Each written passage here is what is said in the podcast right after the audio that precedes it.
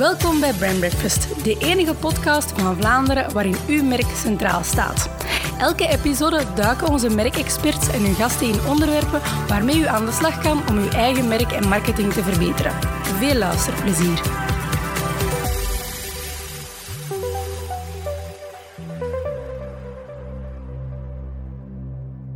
Goedemorgen luisteraars, welkom bij een nieuwe editie van onze Brand Breakfast podcast. We hebben hoog bezoek vandaag. We zitten hier met de enige echte Saskia Nijrings van uh, PR-bureau The Wicked. En we gaan het dus over PR hebben. Met iemand ja, gespecialiseerd vooral in lifestyle en fashion en food. Tegelijkertijd een ravissante aanwezigheid op de sociale media. Hè. Saskia trekt daar wenkbrauwen al op, maar toch, toch is dat zo. Hè. Sociale media, allerhande. Opiniemaker, mederoerganger van de pop-up class events en specialist in het redden van kamerplanten die soms misschien niet altijd meer even goed te redden zijn. In elk geval, ze ziet er naar eigen zeggen soms uit als een halve truckchauffeur, maar dan wel met stiletto's en gelakte nagels. Heb ik eens in een interview gelezen. Oh my lord, ik was juist aan het denken, waar heb jij uw research gedaan? In de knak als ik niet is ooit gestaan. Ja, ja, ja. Nee, heel fijn dat je tijd wilt maken voor ons en voor onze luisteraars om het een keer over PR te hebben. Een topic eh, dat eh, ja, op zich zo oud is als uh, marketing zelf, vermoed ik, ja. public relations. Um, ik zal beginnen met een simpele vraag. Blij dat je tijd kunt maken, want ik heb begrepen dat je vaak opboeit in het feit dat mensen onderschatten hoe tijdintensief public relations eigenlijk zijn. Ja, dat klopt, maar je hebt echt een research goed gedaan. Ja, dat is waar. Klanten denken echt vaak van, uh, als we een voorstel doen, van ja, maar we willen gewoon een persbericht ah, ja. versturen. Hè? Dus um, veel klanten denken uh, je, je, schrijft het persbericht en je stuurt dat naar de perslijst en dan mm. verschijnt dat in de boekjes en ja. de krant en zo werkt het. allemaal. Natuurlijk ja. niet. Ja, voilà. Dat is een knop waar je op duwt en dat is, uh, dat is allemaal geautomatiseerd. Maar dat is echt een proces natuurlijk. Hè. Um, alles, alles is ook gebaseerd op, op, ja, op, op netwerk en, en de media goed kennen, uh, weten waar de nieuwswaarde in zit en, en ja, alles vergt een hele grote voorbereiding. Een persbericht schrijven alleen al. Um,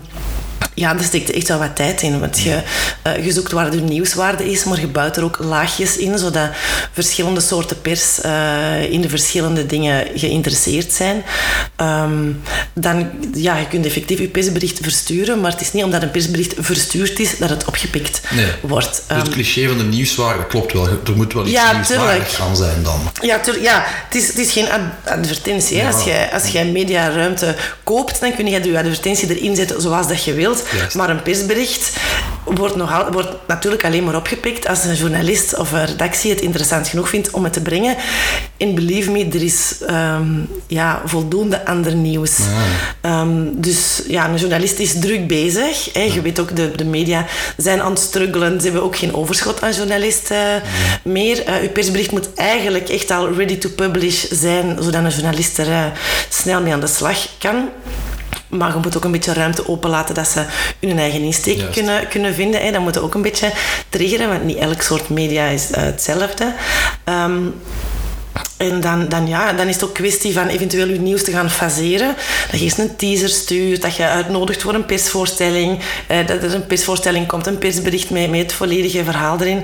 Um, maar als je gewoon mikt op een persbericht versturen en hopen dat het dat verschijnt, dan, ja, dan heb je echt een hit or miss. Maar ja, ja. Een, een miss kost u natuurlijk evenveel werk en evenveel budget. Dus ja, wij proberen toch altijd ons nieuws te faseren en, en ja, over verschillende kanalen parallel te communiceren. Dat klinkt dan toch al vrij complex. Ik bedoel ermee van, ja, ik denk inderdaad dat de misvatting bestaat bij veel merken van, oh ja, uh, wij vinden iets nieuwswaardig, uh, we maken een persberichtje, al dan niet onder embargo, dat wordt buitengestuurd naar een perslijst, hè, wie ja. het dan ook mogen zijn, en men zal het dan wel oppikken. En dan misschien ook de verontwaardiging als het niet wordt opgepikt. Ja. Uh, dus natuurlijk, wat een bedrijf zelf interessant vindt, ja, voilà. is niet altijd dat er nieuwswaarde mm. heeft. Uh, in een modecollectie bijvoorbeeld. Um, de goede doorverkopers, de items die in de winkels heel veel gaan verkocht worden, dat zijn meestal niet de dingen die in de pers heel goed scoren. Je hebt, je hebt de dingen die in de vitrine van een winkel ja. um, de mensen aantrekken, maar als ze dan de winkel binnen zijn, dan zullen ze ja, de gemakkelijkere, meer commerciële dingen okay. um, uitkiezen. En ja, zo ook dikwijls met, met, met nieuwswaarde. Um, ja, er is een beetje evolutie ook wel in dat vak. Ik, ik, ik zal het nog zeggen. Ik kan me inbeelden, als ik in een ver verleden nog marketing studeerde, ik heb dat niet lang volgehouden, ik heb dat ook niet afgemaakt trouwens, ik ben niet te beroerd om dat toe te geven, maar ik herinner mij dat PR daar werd omschreven als, ja, dan moet jij vooral, zoals je net zei, een goed netwerk hebben van journalisten, je houdt die te vriend, je geeft die af en toe iets interessants om over te publiceren of iets mee te doen, maar het gaat eigenlijk vooral over die perslijst. Uh, ja, maar ja, er is natuurlijk niet één perslijst, je hebt heel veel verschillende soorten journalisten, hmm. sowieso per project dat wij doen, stellen wij echt handmatig een lijst samen. Want niet alles is voor elke journalist geschikt. En we proberen dat zo weinig mogelijk uh, te automatiseren en naar vaste segmenten te mm, sturen. Mm. Omdat... Uh, ja, anders spammen we journalisten met, met alle mogelijke soorten nieuws. En op den duur lezen ze onze persberichten mm. ook niet meer. Um, natuurlijk een journalist die je, waar je een relatie mee hebt opgebouwd, daar zul je gemakkelijker een dialoog mee opbouwen dan, sorry, dan iemand die totaal onbekend is. Ja, natuurlijk. Ja, ik zeg het nog eens, die evolutie eh, merken wij natuurlijk vanuit een merktechnisch oogpunt ook wel, dat je natuurlijk meer en meer die, ja, die, die uh, andere soorten media krijgt. De laatste tien jaar denk ik enorm in opkomst, als wat social media is, als wat influencers is. Hoe rijm je dat oude PR, als ik dat zo mag noemen, met het, het hedendaagse PR? Is dat dezelfde insteek? Of? Um, nee, dat is, dat is helemaal anders natuurlijk. Hè. Vaak heb je echt een vertaling nodig om hmm. naar de andere kanalen te, te communiceren. Uh, de meeste printmedia hebben nu ook hun eigen online kanalen. Hmm. Dan heb je natuurlijk, uh, degenen die er eerst zijn bijgekomen, zijn dan de bloggers. Die niet voor een bepaalde doelgroep gingen schrijven, maar die echt vanuit hun eigen insteek, hun eigen ervaring gingen, gingen bloggen. Um, wat op zich een heel interessant gegeven was, want die hadden eerst en vooral, die kunnen uh, onmiddellijk publiceren wat ze meemaken. Die geven daar een volledige persoonlijke twist aan. Um, en die, die, ja, die gaan veel meer op het moment zelf rapporteren. Dus wij merken ook dat persvoorstellingen volledig veranderd zijn. Vroeger een persvoorstelling was eigenlijk een soort van business-to-business evenement, mhm. waarbij dat er een perspresentatie wordt gegeven aan journalisten. Die krijgen als afsluiting het persmateriaal mee, een tekst en beeld, waar dat zij dan, dat gaan ze dan verwerken in een artikel dat dan later gepubliceerd wordt. Mhm. Maar... Um, een blogger die gaat onmiddellijk beeld maken en die wil dat ook onmiddellijk op de blog zetten. Dus persvoorstellingen um, zijn nu echt ja, experience momenten die volledig fotografeerbaar zijn, waar je alles, ja, speciale hoekjes om, te, om Instagrams te maken. Veel bloggers die slaan hun blog ook gewoon over en gaan gewoon uh, rechtstreeks Instagrammen en, mm ja, of een influencer worden. Ik vind dat niet een vies woord trouwens. maar um, ja, een,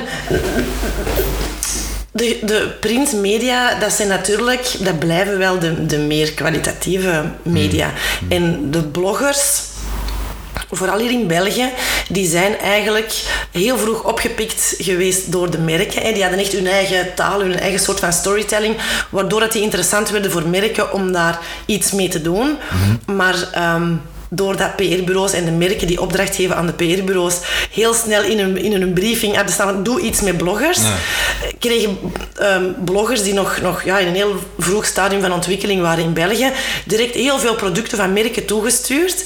Um, waardoor dat die eigenlijk, veel daarvan, zichzelf hebben gebaseerd op basis van wat dat merken met hen kunnen doen. Dus geven, ik vind dat in, in eh, andere landen, waar dat het bloggen veel vroeger is begonnen, dat die bloggers veel... Ehm, ja, veel zelfstandiger zijn en veel beter hun eigen, uh, ja, hun eigen taal hebben ontwikkeld. Ja, misschien ook meer een filter hebben van dingen die worden ja. aangeboden. Er zijn heel veel blogs die er echt hetzelfde uit... uit ja. Pas op, hebben een paar hele goede blogs natuurlijk. hè. Maar er zijn er heel veel die er heel erg hetzelfde uitzien. En ik krijg bijvoorbeeld elke dag mails van bloggers of van influencers die zichzelf aanbieden van um, wil je een samenwerking? En dat is altijd zo heel mysterieus om te zeggen wil je een samenwerking? Mhm. Lees, um, kunnen mij gratis producten bezorgen die ik kan bespreken. Maar ja, op dat moment, ja, dat, dat, dat, is, dat is iets helemaal anders. Hè. En gebeurt dat? Doen, checken jullie dat? Of dat iemand relevant kan zijn voor merken in, in, in het portfolio van de Wicked Meestal degenen die zichzelf aanbieden zijn niet interessant. Hm. Ik ben daar heel streng in en degenen die zichzelf influencer noemen, hm. die ja, dat is meestal, op de nee-lijst voor mij. Ehm, ik, ik, vind het ook een heel uh, raar gegeven om jezelf influencer te noemen. Um, uit het hele blog zijn de, de, social media influencers voortgekomen. En, en ja, die krijgen natuurlijk van alles. Hè, die, wat dat zij zelf gaan broadcasten, dat is heel veel... Oh, we zijn op deze feestje, we zijn op deze lancering. Kijk, ik heb hier Ja. een doos van dat gekregen. En dat triggert dan hun followers natuurlijk om dat ook te willen.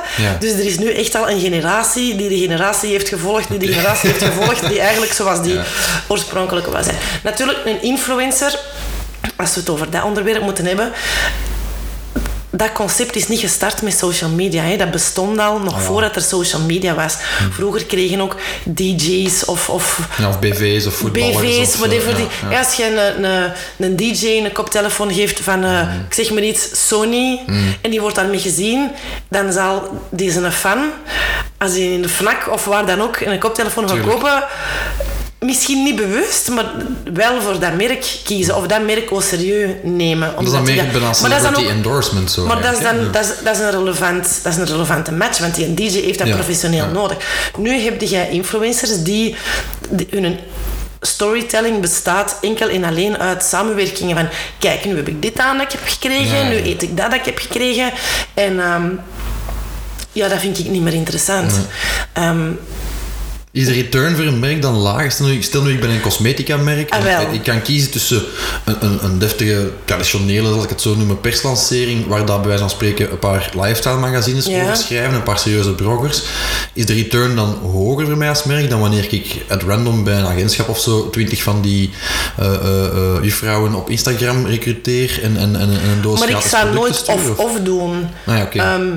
Je kunt een combinatie doen. En dat vind ik dikwijls het gevaar aan de professionele influencerbureaus. Want die zullen een briefing altijd omzetten in een influencercampagne. Terwijl dat een PR-bureau ehm, ja, vaak de keuze kan maken hoe, hoe- hoeveel van onze campagne gaan we inzetten op pers Ja, ja, tuurlijk. en hoeveel op influencers. Vaak is het leuk om aanvullend wat influencers te hebben. Soms is het interessant om alles op influencers in te zetten, maar het hangt er echt vanaf wat dat je ermee doet. Maar op dit moment bestaan er eigenlijk nog geen degelijke studies om ehm, de impact van die influencers Nee, te meten. Net zoals dat je eigenlijk de impact van, van media ook niet echt Maar het is eigenlijk moeilijk te, moeilijk te zeggen van wat is het aandeel van pers versus ik zeg maar wat online personen, individuen eh, in, in, in het succes van een merk. Dat is moeilijk te meten dan. Ja, met sommige influencercampagnes uh, uh, kun je wel zien hoeveel er wordt doorgeklikt natuurlijk. Ja. Ehm, maar ik vind altijd de... Ja, je, hebt veel campagnes die subtieler werken, Mhm. die niet direct ehm, ja, zich als bijna affiliate marketing gaan, eh, gaan, gaan profileren. Dat is eigenlijk moeilijk meetbaar. Mhm. Dat is soms heel Meestal wordt het gewoon gemeten door op te tellen Ja. hoeveel volgers dat elk van de individuele influencers heeft en te kijken naar hun engagement Ja, rate. naar de reach Maar wat zegt dat? Ja, ja. Plus, veel van die influencers die kopen ook gewoon hun volgers, dat weet iedereen. Oké. Je kunt dat ongeveer op social blade zien, maar ja, wij, wij hebben natuurlijk ja, een soort van eh, instinct voor, voor ontwikkeld. Hè? Als, als ik een, een, mail krijg van iemand die zegt van hallo, ik ben influencer en ik heb eh, 50.000 followers en ik kijk naar dat profiel en ik zie dat gewoon van dat klopt niet. Ja. Dat klopt niet. Je bent, je, je, je bent knap en, en je maakt degelijke foto's, maar ze zien er allemaal hetzelfde uit. En alles is een samenwerking of een gefakte samenwerking, maar dat doen ze soms ook, om echte samenwerkingen aan te trekken.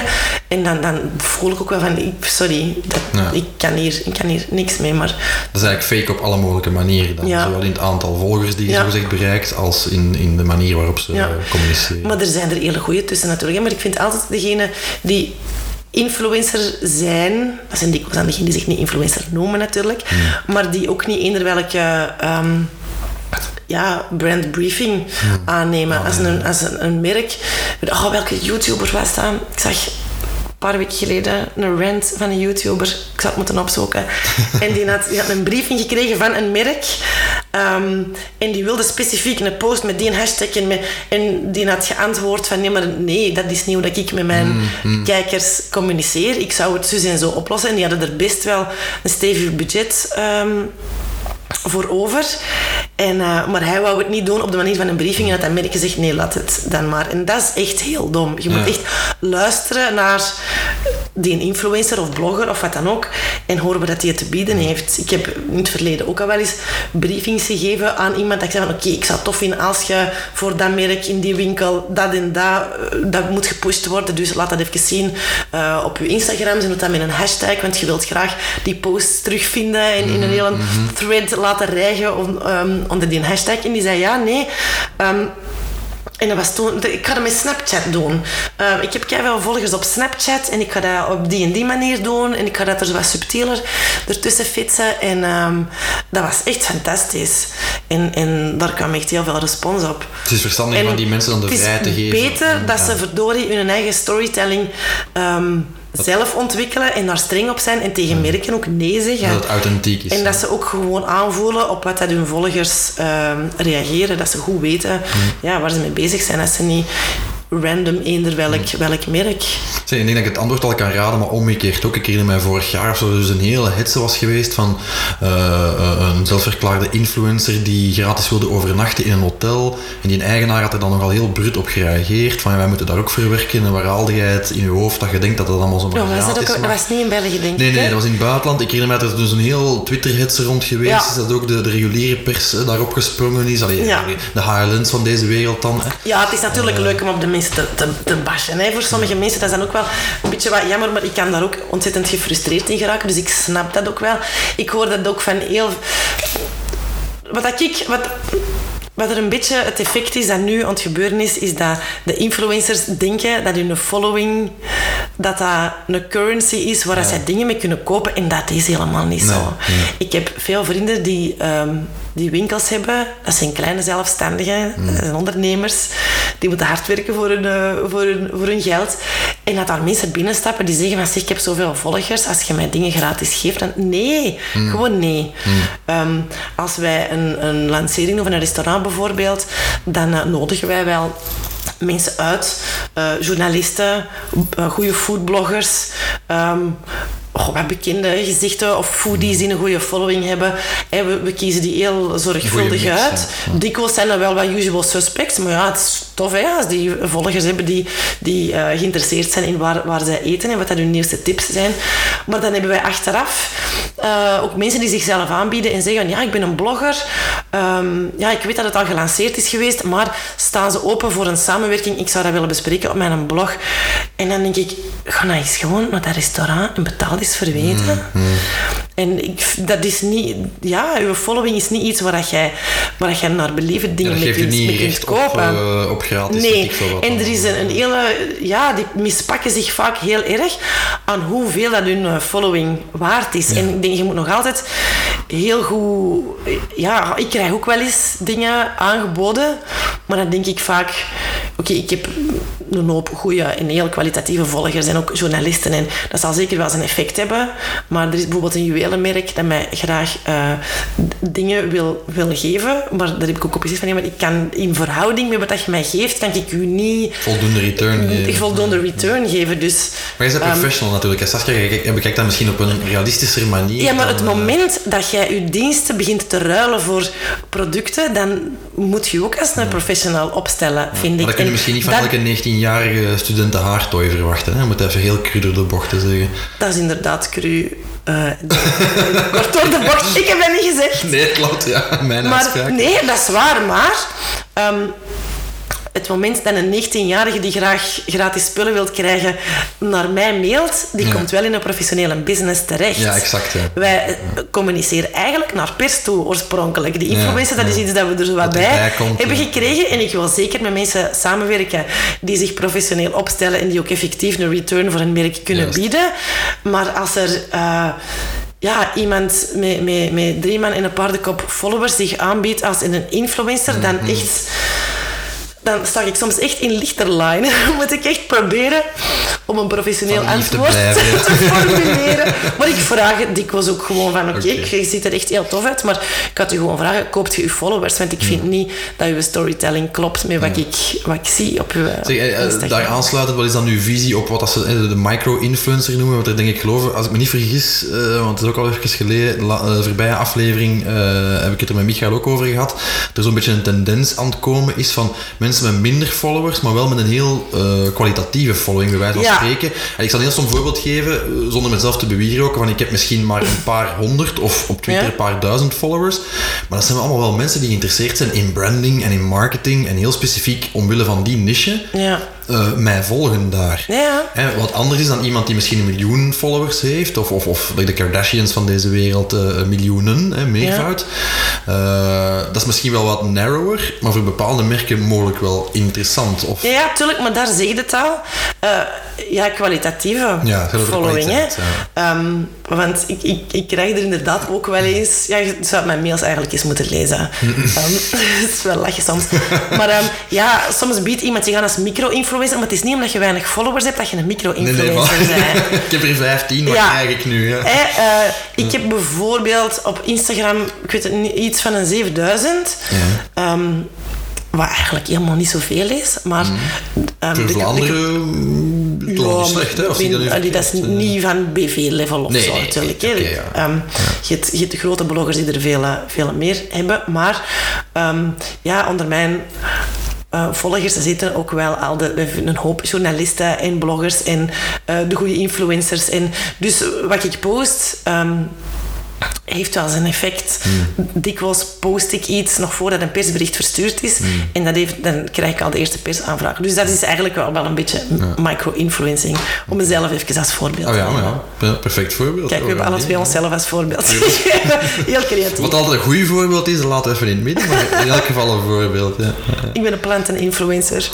ja, ja dat is ook wel straf. Hè? Ja, even misschien off-topic, maar, Maar ik ben, van ik ben eigenlijk eh, heel blij dat je geen planten hebt, hebt, hebt staan op uw bureau. Want anders Anders had je waarschijnlijk al met mijn vingers erin gezeten. En mijn collega Eva is hier niet om mij tegen te houden. Dat is heel goed. En mijn collega's ook niet. Dus, eh, Oké. Zeg even genoeg over influencers, misschien algemeen gesproken. Ehm, dat is een vraag die wij wel eens krijgen van klanten die in een, hoe zal ik dat eh, in alle piëteit uitdrukken, in misschien een, een iets minder sexy business Ja. zitten dan jouw doorsnee klant bij The Wicked. Heeft het eigenlijk zin als B2B bedrijf, ik stel nu, stel nu dat je iets, iets, iets doet, ja, een dienstverlening, zeg maar wat, verzekeringen of kopieermachines, Ja. eh, heeft het dan zin om te investeren in, in PR? Of is dat echt iets dat voor consumer brands en voor lifestyle Ja. merken? Het heeft alvast geen zin om te investeren bij ons dan, want dat is echt gewoon niet waar wij in Ja, dat is niet jullie core zijn. business, ja. Daar, daar, daar, daar moeten ze sowieso voor naar een meer corporate ehm, eh, PR-bureau. Dus daar kan Mhm. ik nu niet zo heel veel antwoord op geven. Natuurlijk, business to business. ehm, ja, de meeste media eh, die schrijven voor consumers. Ja, En, en ja. Dus tenzij dat zo'n bureau eens een stunt zou doen dat, dat de moeite is om in een krant te verschijnen. Ja, of iets maar voor de rest natuurlijk, eh. er is een nieuwe kopieermachine uit. Ja, je moet dat niet naar de weekendknak Nee. sturen, dat is Nee. duidelijk. dat zou inderdaad wel heel straf zijn. Maar dat is, ja, dat is, dat is niet waar wij in gespecialiseerd zijn. Dus daar ga ik u zeker niet het beste advies op kunnen geven. En algemener gesproken, allee, eh, je hoort op congressen als het gaat over PR en je leest daar dingen over online of boeken over, hoorde zo van ja, eigenlijk moet elk merk ervoor zorgen dat ze zelf een soort van broadcaster worden, dat ze zelf een medium worden. Ja. Eh, ik heb de indruk dat er heel veel bedrijven vaak, hoe zou ik dat zeggen, eh, bij wijze van algemeen advies te horen hebben gekregen van begin een keer te bloggen, maar dat valt dan stil na een tijdje of ze hebben niet de juiste profielen in huis om zelf interessante content te Ja. maken. Is dat zo? Moet elk succesvol merk een eigen broadcast medium zijn ook? Of, Ehm, goh, op dit moment is natuurlijk iedereen een broadcaster. Hè? Ehm, wij ook. Ehm, wij posten parallel met onze eh, persberichten posten wij van alles achter de schermen Ja. of al sneak previews of wat dan ook. Dat natuurlijk ook heel strategisch is om al een beetje wat te triggeren. We moeten een beetje zien ook dat we niet zelf met de scoop gaan lopen voordat we het bijvoorbeeld aan een krant doorgeven. Ehm, ja, en zo ook voor bedrijven. Hè. Je moet sowieso nadenken over wat is, waar is uw doelgroep in geïnteresseerd. Hetgeen dat je op social media zet is niet hetzelfde als wat je op je website zet. Is niet hetzelfde als wat je in je folder of in je persbericht zet. Alles moet, moet vertaald worden naar, naar het juiste kanaal natuurlijk. Ehm, en de doelen ja, die dat afhankelijk kanaal- van het product ook natuurlijk. Hè. En, eh, ja, als jij als jij, eh, een business hebt in, eh, in, in food of fashion of ehm, ja, wat is er allemaal populair? Als je iets met katten doet, dan sowieso heel veel social media exposure Oké. zou wel werken. Maar, maar ja, je moet een storytelling verzinnen die bij u past en die ook niet te droog is. Ehm, social media is heel unforgiving voor posts die niet, die niet interessant zijn. Ja. Die worden gewoon niet bekeken. En ehm, ja, dan kun je nog zoveel gaan sponsoren als je wilt.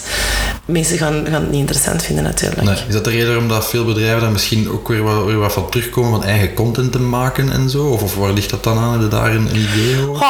Ik denk dat als je eigen content wilt maken, dat je wel daar de juiste persoon voor in huis ehm, moet, moet hebben of de juiste persoon daarvoor eh, extern inhuren. Ehm, eh, ja, er zijn nog altijd bedrijven die denken van dat geven we aan de stagiair, want dat is een millennial en die Ja. kan eh, goed op social media Die posten. hoe dat werkt maar het is niet omdat een millennial zelf eh, op Instagram zit en op eh, welke apps dan ook, dat hij in functie van merken en van doelgroepen kan, kan denken en dat hij een catchy copy kan schrijven waar dat mensen op gaan klikken en getriggerd gaan worden over, over een merk. Ik, ik, ik geef dat zelf ook altijd als challenge aan al mijn stagiairs. Zet iets op onze Facebook, bedenk iets voor onze Insta. Alles wat je hier ziet, waar we mee bezig zijn. ehm, ja, doe daar iets mee. En, en effectief, de merken waar wij voor werken, dat zijn redelijk sexy merken. hè. We hebben een modemerk, essentieel. We hebben allemaal super toffe restaurants met ja. extreem Instagrammable eten. Maar eh, ja, die stagiairs die komen met niks af. Dat, dat, lijkt heel simpel om een foto te maken en er een, een tekstje van drie regels onder te schrijven. Maar het is net omdat je maar een foto en een tekstje van drie regels hebt, dat dat echt heel strategisch... Ja, dat, dat moet gewoon kloppen. En, en je storytelling moet, moet kloppen. Het gaat niet over die ene post en het gaat niet over ad hoc dingen doen. Je moet een content calendar hebben en je moet storytelling hebben dat, dat elkaar... ehm, ja, dat uw verhaal blijft kloppen. Dat vind ik ook trouwens onder, eh, onder influencers. Het heeft geen nut, vind ik, om een influencer eenmalig eens een budget te geven of product of wat dan ook. Dat die ene keer een post doet en je hebt even een piek van zoveel duizend man die het gezien hebben en het is weer weg. Ik ben meer fan van een duurzame samenwerking met zo'n influencer. Zoals in traditionele reclame, herhaling werkt dan. Ja, ja, en dat je ook gelooft dat die persoon daar effectief ehm, fan van is. Als jij ziet dat iemand herhaaldelijk een bepaald merk draagt of een bepaald drankje drinkt, ehm, dan geloof je dat ook. Maar als je de ene dag, ik zeg maar iets, het over sustainable fashion heeft en de andere dag in de Primark gaat winkelen, dan weet je ook dat er, dat er iets niet klopt. Ja, daar, daar haalde wel iets goed aan. Hè. Wat met damage control in, in PR, stel dat het ergens verkeerd gaat, of een merk waar je liever werkt, ik zeg maar wat, komt in opspraak op een of andere manier door wat, een kledingmerk eh, blijkt ineens onethische eh, eh, fabrikage. Ja, ik neem aan dat je dat op voorhand ook niet weet als PR-bureau. Zijn er methoden om daarop Ha, dingen zijn in zo spelen? snel. Yesterday's news. Als je ziet, de Primark. Iedereen weet dat. dat, dat ja, dat, is, dat is fast fashion. Ja, nobody cares, Ik vert- Nobody cares. dat ging open op de mer en dat stond daar, ze stonden er door je aan te schuiven. De eerste dag nog voordat de deuren open waren. Ehm, wij hebben zelf met eh, de Avocado Show, een paar maanden geleden, hebben we die, eh, die opening gedaan in Brussel. Ehm, dat is een prachtig concept, super lekker. Allemaal heel vers. Ehm, die maaltijden die zien er echt uit, die gerechtjes, als, als schilderijtjes. Ja, knap, ja. Super Instagrammable. Ze willen ook echt dat je het Instagramt voordat je het opeet. Ja. Maar die kranten zijn er eerst op gesprongen dat het eigenlijk dat die, dat, dat, dat dat niet echt op een duurzame manier wordt ge- geïmporteerd en Oh, ja, verwerkt. En ehm, ja, dan hebben we best wel een aantal grote artikels gehad die eigenlijk gingen over dat avo- avocados niet oké zijn. Hmm. En dan denkt je, dat is disaster. But no! Mensen denken gewoon hoera, Die, die, die, avocado was, die- eh, heel die tekst vol ehm, verwijt naar avocado was ehm, omkaderd door allemaal smakelijke, kleurige foto's van die gerechten. Dus nobody cares. Iedereen gaat er dan genieten. Ehm, plus, ja, om het dan over avocado show te hebben je kunt een goede contributie leveren in, in ehm, ja, denken aan duurzaamheid of, of geen vlees of minder vlees eten. Maar het is, het is moeilijk om echt ja, in alles goed te doen. Ik vind het zeker nooit voor iedereen goed doen. En inderdaad, wat je zegt ook, allee, ik krijg wel eens naar mijn voeten. Ik ben zo iemand die zo kort, als de bocht, eh, zo kort door de bocht als ik daarnet was over, over Ja. eh, eh, 19-jarige influencers. Ik durf op congressen wel eens zeggen, in mijn keynote speeches, van consumenten zijn eigenlijk een beetje idioten. Hè. En inderdaad, het geheugen is zeer kort. Ik herinner mij de vraag die ik kreeg op, op, op de radio, ik denk dat het Radio 1 was, een, een, tweetal jaar geleden, als ING aankondigde van ja, we gaan zoveel banen schrappen in België. En dan kreeg ik als, als de vraag, gaat dat nu, gaat dat nu, gaat dat nu punten kosten aan ING? Want een of andere BV had op zijn Facebook gezet dat hem onmiddellijk zijn rekening ging sluiten.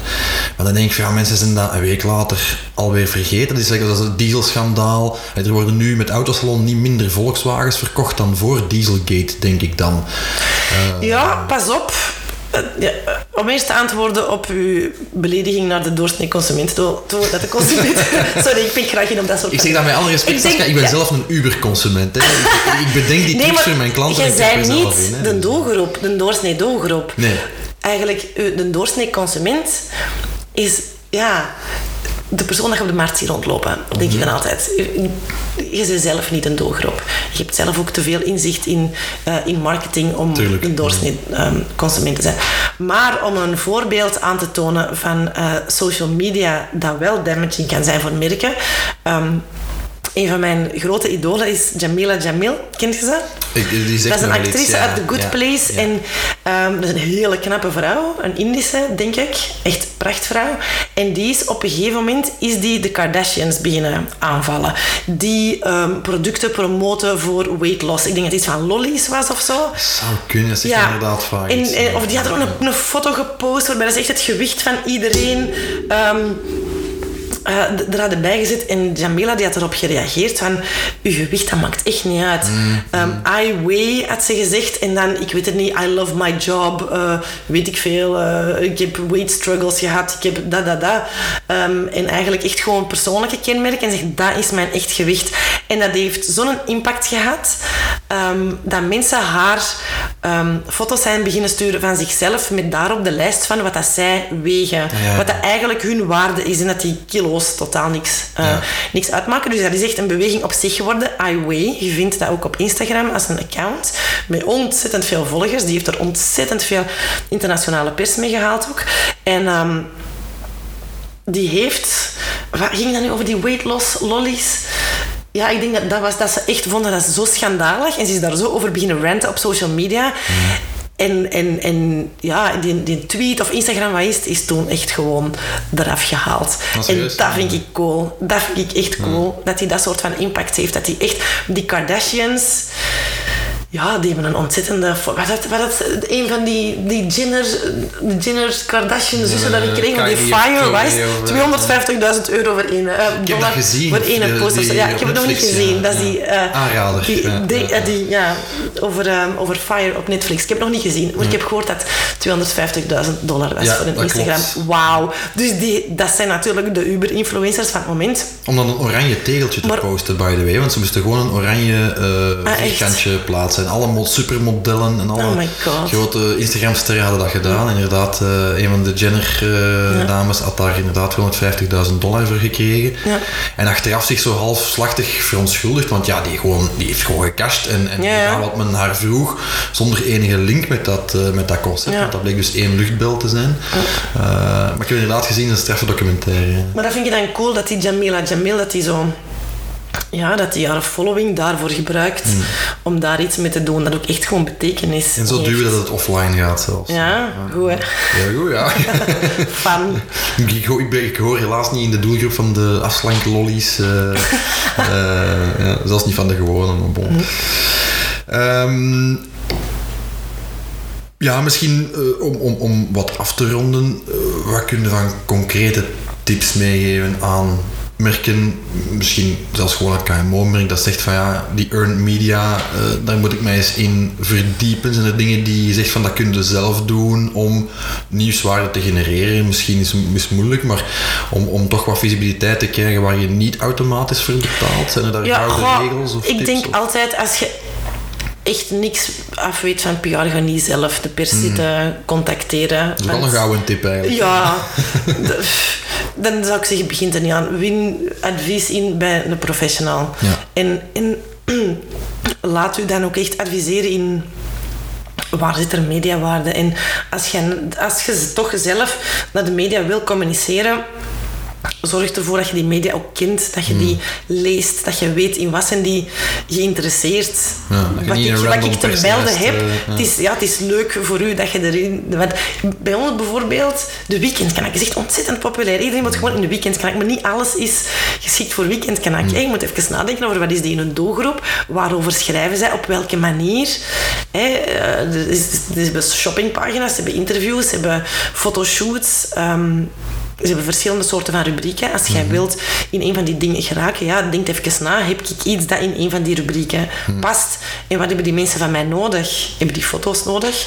Willen die iemand interviewen? Willen die materiaal lenen voor een fotoshoot? ehm, Mhm. Te doen. Maar het is toch allemaal redelijk complex. Dus Ja, ik vraag dan wat er bijvoorbeeld een typisch een tip is van als je eh, een relevant cijfer hebt bijvoorbeeld. Ik zie dat zelfs op VTM-nieuws en zo. Hè. Zie je de reportages van ja, uit cijfers van zeg maar wat Randstad over eh, hoeveel mensen zijn er gelukkig op hun werk. We hebben nu recent Blue Monday gehad. Hè, zo heel die hype die dan ooit door een interimkantoor bedacht is blijkbaar. Hè, die hebben dan eens uitgerekend wat de meest depressieve dag is voor de doorsnee werknemer. Ja, dat worden is dat dingen... bedacht door een interim Ja, blijkbaar. Ja. Ik heb dat dus dit jaar eh, ontdekt. Ja, dat is zeker geen academisch eh, eh, verhaal, maar inderdaad een studie geweest in opdracht van een van de grote internationale eh, arbeidsbureaus. Die dan zeggen van ja, kijk, dat wordt echt een ding. Hè. Mensen zijn daarmee bezig met Blue Monday. En dat ik denk van ja, waar komt dat nu ineens vandaan? Ja, de laatste jaren duikt dat dan zo op. En dat blijkt eigenlijk gewoon een soort van, van PR-stunt te zijn geweest Ja. dan ooit een keer. Die dan zodanig helpt. Daar was ik me niet van bewust, maar ik heb zelf of- een, eh, een pakketje gekregen voor Blue Monday. Ik had van, van, van Estée Lauder een hoop um, Ah, straf. ontschminkproducten en nachtcrème gekregen, zodat ik, zodat ik op de Blue Monday mij niet blue zou voelen. dat is wel heel tof. Maar, is wel ver gezocht qua het was wel- Ja, ja. het was wel ver gezocht, maar kijk, mijn Monday was niet blue, dus misschien Nee, kwam het daardoor. ja. Kijk, nu heb ik hier een merk geplukt dat niet eens een klant is. Wie weet, bellen ze morgen. Nee, maar ik wil zeggen bijvoorbeeld, van, van, dat zijn zo typische dingen, zeg maar, iets nieuwswaardig. Of een onderzoek dat je hebt laten uitvoeren. Ik herinner mij een uitzending van Basta bijvoorbeeld, een paar jaar terug. Je Ja. hebt het misschien ook ooit gezien van de neveneffecten. Die zo fake onderzoeken maakte en die effectief vrij snel de, de krant haalde. Hè, eh, eh, compleet idiote dingen. Hè, ze Ja. dan een, een onderzoek verzonnen van eh, de aanhangers van de VLD de, de, het beste seksleven zouden hebben bijvoorbeeld. En dat je dus echt als op een congres van VLD door Alexander de Croo herhaald.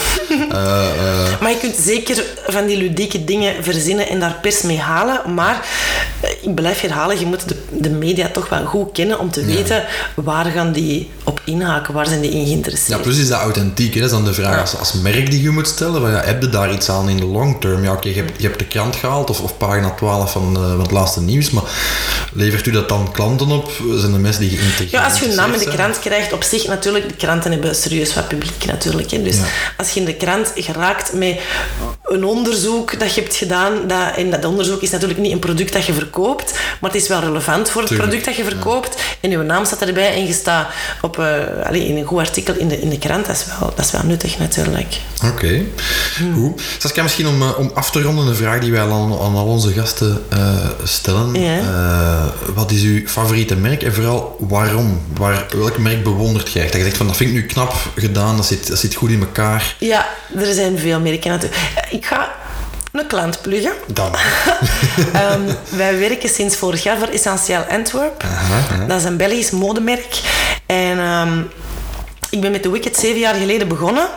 En ik kwam toen uit de mode, PR en marketing. En ik heb toen besloten om niet langer in de mode te werken. Ik wou dat echt niet meer doen. Ik ben geswitcht naar design. Later is daar food bijgekomen. Ehm, ik heb nog even wat les gegeven op Karel de Grote over fashion marketing. En dan heb ik echt een streep getrokken onder fashion. Dat was afgelopen. Ik wou geen showroom, want dat heb je vaak nodig om fashion PR te kunnen doen. En Essentieel stond vorig jaar voor mijn deur met de vraag, wilt je onze PR doen? Ehm, waarop ik initieel... ehm, ja, heb geantwoord, ja, maar nee, wij doen geen mode, ik heb geen showroom. ehm. Maar zo verliefd op dat merk eigenlijk. En dat is zo een tof, mooi merk. En dat is zo fotogeniek. Dat is een hele kleurige, hele ja, in-your-face collectie. Eh, de mensen achter dat merk zijn ook echt een fantastisch team dat zo leuk is om mee te werken. En dat is ook allemaal heel authentiek. Dat enthousiasme dat je in die collectie ziet, dat, zijn echt, ja, dat komt echt rechtstreeks uit die mensen die ervoor werken. En dat is een, een, een ontzettend leuke klant om voor te werken. Dus ik ben daar als merk... ehm, heel erg van. Ehm, ja, wie, wat ik nog? Qua personal branding ben ik wel dikke fan van uh, Tanguy Ottomer. Kent je? Ja, Ehm, die zichzelf... die- het? Ja, wel. Dus die is op een gegeven moment als personal shopper en als stadsgids begonnen. Mhm. Wat op zich op dat moment misschien een beetje wat een duf beroep zou lijken. Maar die noemde zichzelf dan beroeps-Antwerpenaar. Mhm. Klopt, ja. Bam! Supercoole functie. Ik vond dat zo ontzettend cool. En, en ja, ik, ik weet nog dat toen ik met The Wicked aan het beginnen was, ik van, amai, dat wil ik ook. Dat je zo ook zo een merk van jezelf kunt, eh, kunt maken. En daar heb ik wel bewondering voor. Want ondertussen is hem uh, beroepsbelg. En heb ik begrepen dat hij ook tours doet in Barcelona. In het buitenland eh, ook, denk ja, ik. en ik heb die al heel vaak in internationale pers ehm, ook zien verschijnen. Dus Ja, want wat dat was de ik... Washington Post of zo? Had hem een van de strafste gidsen Ja, ik- genoemd, ja, ik weet niet meer, was het eh, Washington ja, Post? Een Ik van de. Amerikaanse gazetten in Ja, elk geval. ja. maar echt wauw. Voor zo, hè, hij zal ondertussen wat medewerkers hebben, maar toen hè, zo'n gast alleen, hallo, ik ben beroeps-Antwerpenaar, vond ik echt zo cool. Ja. Oké, ja, van- ja, van essentieel woorden kan ik u niet helpen, maar ik zal u zo dadelijk een eh, exemplaar van mijn boek over personal branding Ja, geven. Dan is dan kunnen we misschien ook eh, een nog straffer personal brand worden. In elk geval, Saskia, ontzettend bedankt. Ja, graag je gedaan. hebt eh, willen maken tussen alle PR door, om het met ons over PR te hebben. Ik hoop dat het iedereen die geluisterd heeft kan inspireren. Als dat het geval is, en anders ook natuurlijk, vergeet niet om u te subscriben. Je kan dat doen via Spotify, via iTunes en via brandbreakfast.be. Vergeet ook niet om eh, uw eventuele vragen, opmerkingen, bedenkingen naar ons door te mailen op hello@brandbreakfast.be en dan bekijken we het graag in een volgende episode. Alvast bedankt voor het luisteren en alvast bedankt Saskia voor de komst en graag tot de volgende keer.